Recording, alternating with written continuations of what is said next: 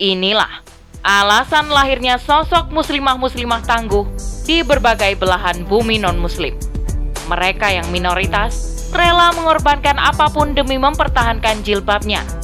Tak rela menuai siksa karena menukar kenikmatan akhirat dengan memenuhi hawa nafsu sesaat.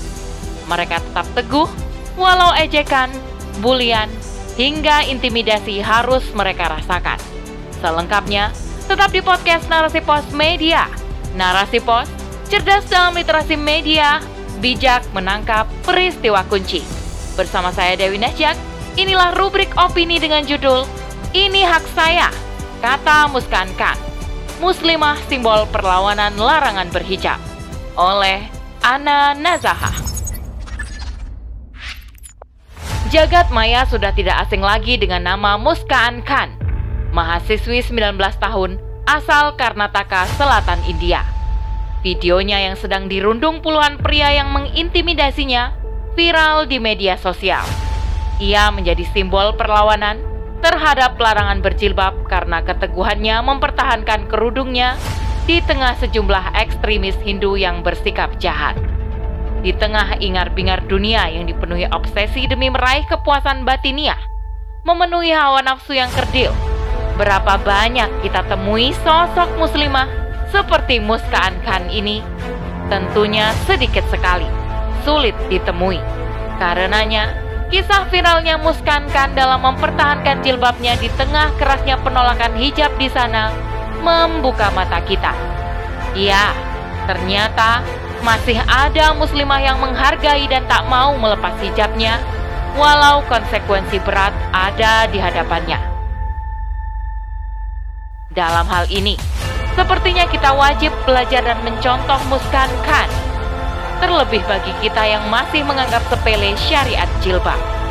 Khususnya yang masih sibuk menjilbabkan hati, tapi lupa menutup kepala dan badan. Berpakaian masih saja kurang bahan. Tentunya, ini penting sekali, mengingat hijab adalah tanda pengenal bagi wanita muslimah yang statusnya fardu ain bagi setiap pribadi muslimah itu sendiri. Baiklah, sedikit kita refresh ingatan kita. Terlampau sering abai, jadinya kita lupa bahwa hijab bukan sekedar fashion dan label muslimah di atasnya, namun jilbab adalah bagian dari syariat Islam yang diwajibkan atas setiap pribadi muslimah bagi yang sudah balik, maka haram baginya membuka jilbab saat dia keluar dari rumahnya. Perintah ini tertuang dalam Al-Quran di surah Al-Azab ayat 59. Wahai Nabi, katakanlah kepada istri-istrimu, anak-anak perempuanmu, dan istri-istri orang mukmin, hendaklah mereka menutupkan jilbabnya ke seluruh tubuh mereka.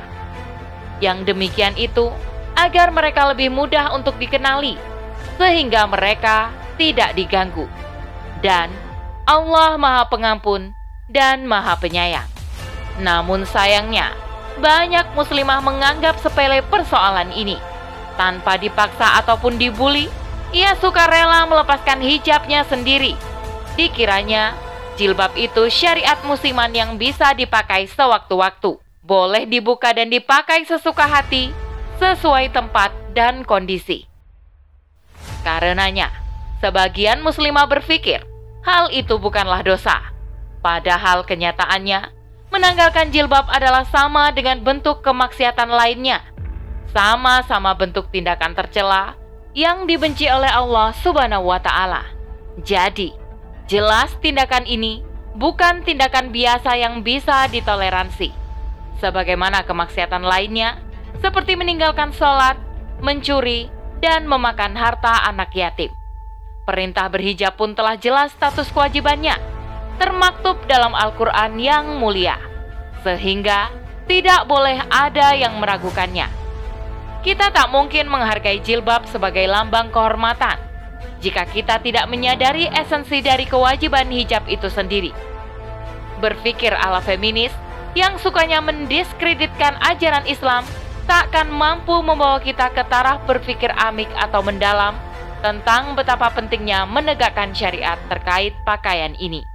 Padahal, jilbab adalah hak kita, harga diri dan kehormatan kaum muslimah. lambang dan status atau identitas keislaman di hadapan dunia pun di hadapan Allah Subhanahu wa taala. Kita bisa saja mengaku muslimah di hadapan semesta, namun tanpa menghargai jilbab dan menjadikannya sebagai lambang kehormatan, maka tak menutup kemungkinan status muslimah tersebut menjadi ungkapan penuh kepalsuan. Seperti halnya orang-orang yang menyepelekan syariat jilbab yang kemudian Allah kumpulkan di hari akhir menjadi penghuni neraka dengan kepala seperti punuk unta yang miring. Sebagaimana sabda Rasulullah Shallallahu Alaihi Wasallam, ada dua golongan ahli neraka yang aku belum pernah melihatnya.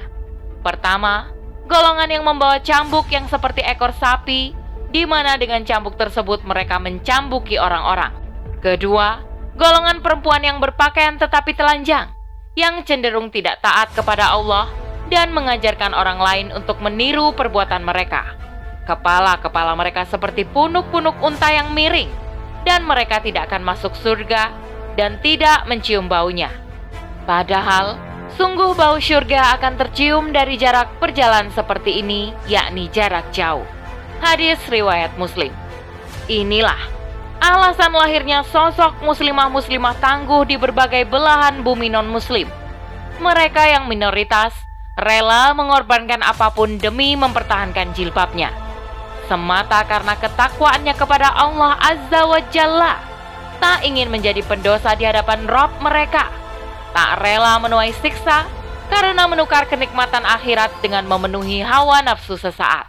Mereka tetap teguh berdiri atas keyakinannya walau ejekan, bulian, hingga intimidasi harus mereka rasakan.